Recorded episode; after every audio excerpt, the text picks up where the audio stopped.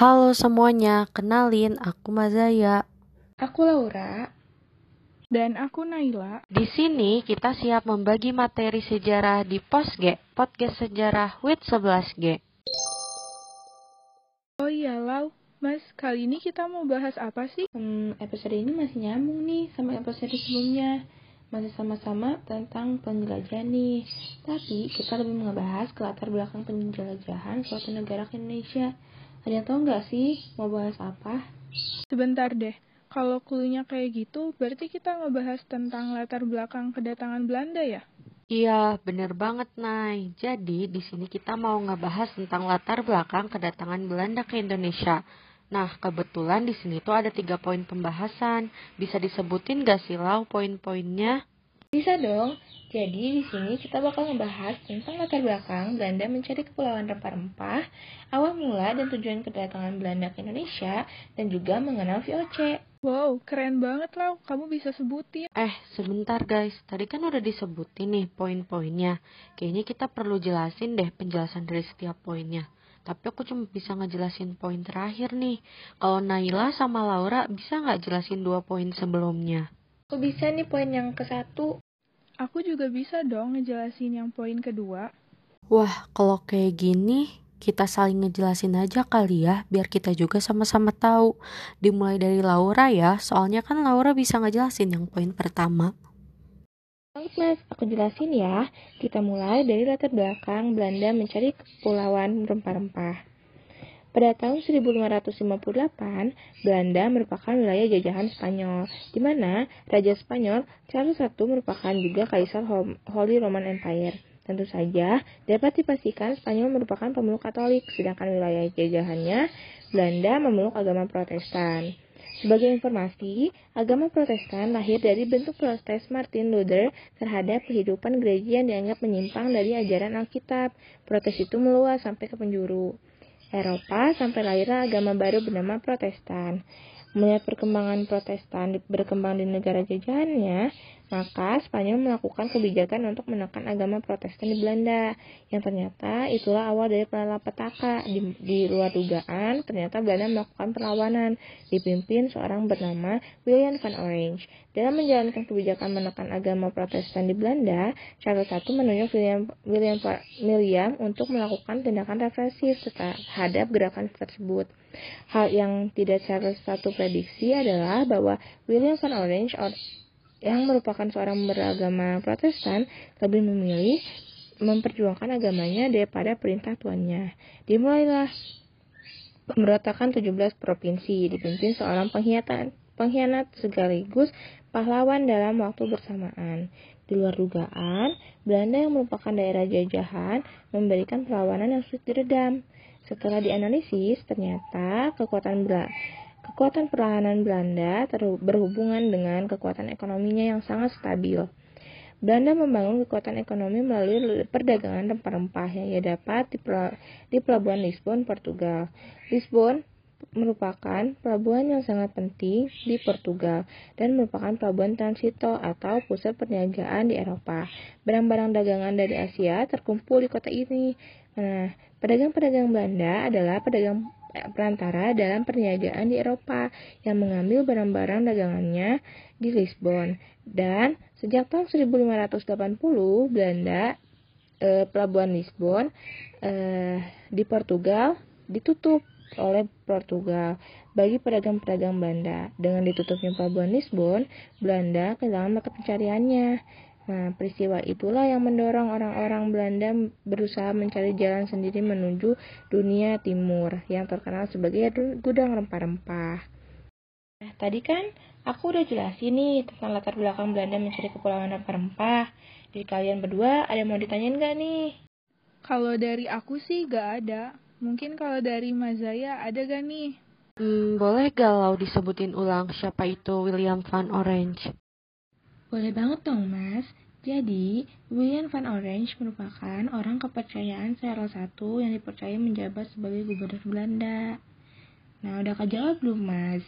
Oh, oke okay deh. Makasih, Lau. Iya, sama-sama, Mas. Nah, kan tadi udah dibahas nih latar belakang Belanda mencari kepulauan rempah-rempah. Aku lanjut ke poin 2, mau nggak nih? Mau dong. Mau, mau. Oke, di poin selanjutnya, aku mau ngebahas tentang awal mula dan tujuan kedatangan Belanda ke Indonesia ya. Jadi, ekspedisi Belanda ke Indonesia tuh awalnya waktu Cornelis de Houtman sama Peter Kaiser dikirim Belanda ke Lisbon, Portugal buat cari informasi keberadaan kepulauan rempah-rempah atau dunia timur.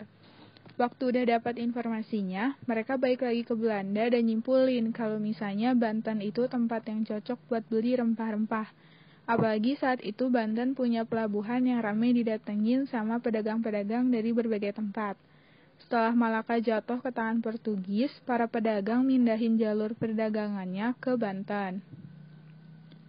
Pada tahun 1595, mereka berlayar menggunakan empat buah kapal Belanda menuju Banten di bawah pimpinan Cornelis de Houtman. Pada tahun 1596, kapal-kapal Belanda itu tiba di Selat Sunda, kemudian berlabuh di Pelabuhan Banten. Belanda dan anak buahnya menghadap ke pembesar Kesultanan Banten, kemudian menjelaskan maksud dan tujuannya hanyalah untuk berdagang. Pembesar Banten memberikan izin kepada Belanda asalkan mereka bisa menjunjung tinggi tata krama sebagai seorang tamu. Lalu tahun 1597, rombongan Belanda pertama kembali ke Belanda tanpa bawa hasil minyak bumi yang banyak, kayak lada, cengkeh, pala, kayak gitu. Tapi, keberhasilan itu disambut gembira sama rakyat Belanda karena jalan menuju ke Indonesia udah ditemuin. Nah, Belanda bisa ke Indonesia ini berkat sebuah buku yang diterbitin sama orang Belanda bernama Johan Huygen van Linshosten. Nah, dia tuh sebelumnya bekerja buat pemerintah Portugis di Goa. Dia kembali ke Belanda dan nulis sebuah buku yang judulnya Catatan Perjalanan Pelayaran ke Timur. Nah, jadi kayak gitu awal mula kedatangan Belanda ke Indonesia. Oh, jadi itu ya tujuannya. Iya, jadi kayak gitu tujuannya. BTW, ada yang mau ditanyain gak nih dari penjelasan aku? Aku gak ada, Nay. Kalau aku, ada nih. Tadi kan ada empat kapal yang berlayar. Nah, nama kapalnya tuh apa aja sih? Oke, aku jawab ya. Nah, kan Belanda tuh berangkat menuju Banten menggunakan empat buah kapal bernama Amsterdam, Hollandia, Mauritius, dan Duifken. Oh, itu ya namanya. Oke deh. By the way, ini tinggal poin terakhir nggak sih? Iya benar, sekarang udah masuk poin terakhir, yaitu tentang VOC. Mungkin bisa dijelasin kali ya sama Mas Zaya? Oke, sekarang aku mau jelasin tentang VOC ya. Tadi kan Naila udah ngasih tahu nih kalau misalnya Belanda datang ke Indonesia itu untuk berdagang. Maka dari itu di Belanda sendiri ada yang namanya kongsi dagang. Namun sayangnya kongsi-kongsi dagang ini malah saling bersaing antar satu dengan yang lainnya. Malah hal ini disadari oleh pemerintahan Belanda dan tentu saja akan merugikan kepentingan Belanda untuk melawan Spanyol nantinya. Maka dari itu akhirnya pemerintahan Belanda membentuk mereka ke Perserikatan Perdagangan Hindia Timur VOC yang dibentuk pada tanggal 20 Maret tahun 1602. Seperti yang kita tahu, VOC ini diberikan hak oktroy yakni hak istimewa dan kekuasaan yang luar biasa oleh pemerintahan kerajaan Belanda karena dilihat dapat mengembangkan usaha-usaha perdagangan Belanda di Indonesia. Nah, aku sebutin ya hak-hak oktroynya. Yang pertama ada mengizinkan pembentukan pasukan tentara di bawah komando, yang kedua mendirikan benteng-benteng, yang ketiga membuat dan mengedarkan mata uangnya sendiri, yang keempat mempunyai hak kekuasaan monopoli, yang kelima memiliki hak kehakiman, yang keenam mengumumkan perang jika perlu dan mengadakan perdamaian, dan yang terakhir membuat perjanjian dengan raja-raja di Indonesia. Tidak hanya itu, VOC juga dijadikan alat kekuasaan pemerintahan kolonial Belanda di Indonesia. Tapi sayangnya VOC ini malah merubah sifat dan maksud kedatangan Belanda ke Indonesia yang tadinya hanya untuk berdagang tapi malah menunjukkan kekuatan dan kekuasaannya di mana senjata juga ikut berbicara. Apalagi mereka juga punya kebijakan-kebijakan di Nusantara loh. Aku sebutin ya, Jadi, yang pertama ada pajak tidak langsung yang dilakukan dengan cara menentukan harga rempah-rempah. Yang kedua ada pajak langsung berupa penyerahan wajib rempah-rempah kepada VOC. Yang ketiga, pelayaran hongi yang dilakukan untuk memberatas penjualan gelap atau black market. Yang keempat ada hak ekstripasi untuk memusnahkan tanaman petani jika hasil pertanian melimpah.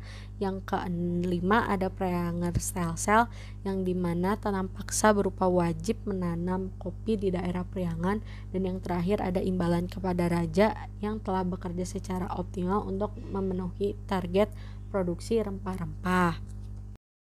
Oh iya, tidak hanya kebijakan-kebijakan, aku juga di sini mau ngejelasin ke kalian tentang VOC lebih lanjut. Nah, VOC sendiri kan awalnya didirikan pada tahun 1602. Lalu pada 30 tahun pertamanya mereka mendapatkan keuntungan sebesar 75 juta golden loh, yang di mana mereka dijadikan sebagai perusahaan dengan keuntungan paling besar di dunia bahkan sampai saat ini. Namun sayangnya pada tahun 1799 VOC dinyatakan bangkrut dengan meninggalkan hutang sebesar 136 1,7 juta gulden kepada pihak swasta karena uang kas yang terkuras melawan kerajaan-kerajaan di Nusantara. Belum lagi mereka harus menghadapi pemberontakan beberapa wilayahnya yang ingin melepaskan diri dari Belanda. Lalu di VOC sendiri juga ada korupsi, terus para pegawai VOC kena penyakit kelamin yang di mana itu menjadi dampak kehancurannya juga sih terus uh, ada juga loh faktor eksternal kehancuran VOC yaitu penduduk Perancis di, Bela di Belanda sendiri lalu munculnya paham liberalisme dan yang terakhir mereka kalah bersaing dengan kongsi dagang Inggris yaitu EIC Gimana, gimana? Tadi kan aku udah ngejelasin. Dari kalian ada yang mau ditanyain atau ada yang mau berpendapat gak nih? Dari aku nggak ada sih. Aku ada nih, kan tadi aku dengar ada hak oktroy. Berarti hak oktroy itu menguntungkan Belanda banget dong. Iya, bener Nay. Apalagi VOC sendiri punya kebijakan-kebijakan lainnya di Nusantara. Kebayang gak sih makanya Belanda jaya banget pada saat itu? Iya, bener Nay. Apalagi VOC sendiri punya kebijakan-kebijakan lainnya di Nusantara. Kebayang gak sih makanya Belanda jaya banget pada saat itu? Iya ya, jaya banget pasti itu. Eh iya, Nailau. Kayaknya ini pembahasan terakhir di episode ini ya. Iya mas, bahasan tentang VOC itu jadi penutup di episode ini. Iya nih, kita udah selesai ngebahas materi ini. Semoga kalian yang dengar podcast ini bisa dapat inti dan manfaatnya ya. Oke okay guys, kayaknya kita harus pamit undur diri deh. Tetap stay di post ya, karena bakal ada materi selanjutnya di next episode. Sampai jumpa lagi, dadah. Sampai jumpa lagi, dadah. Sampai jumpa lagi, dadah.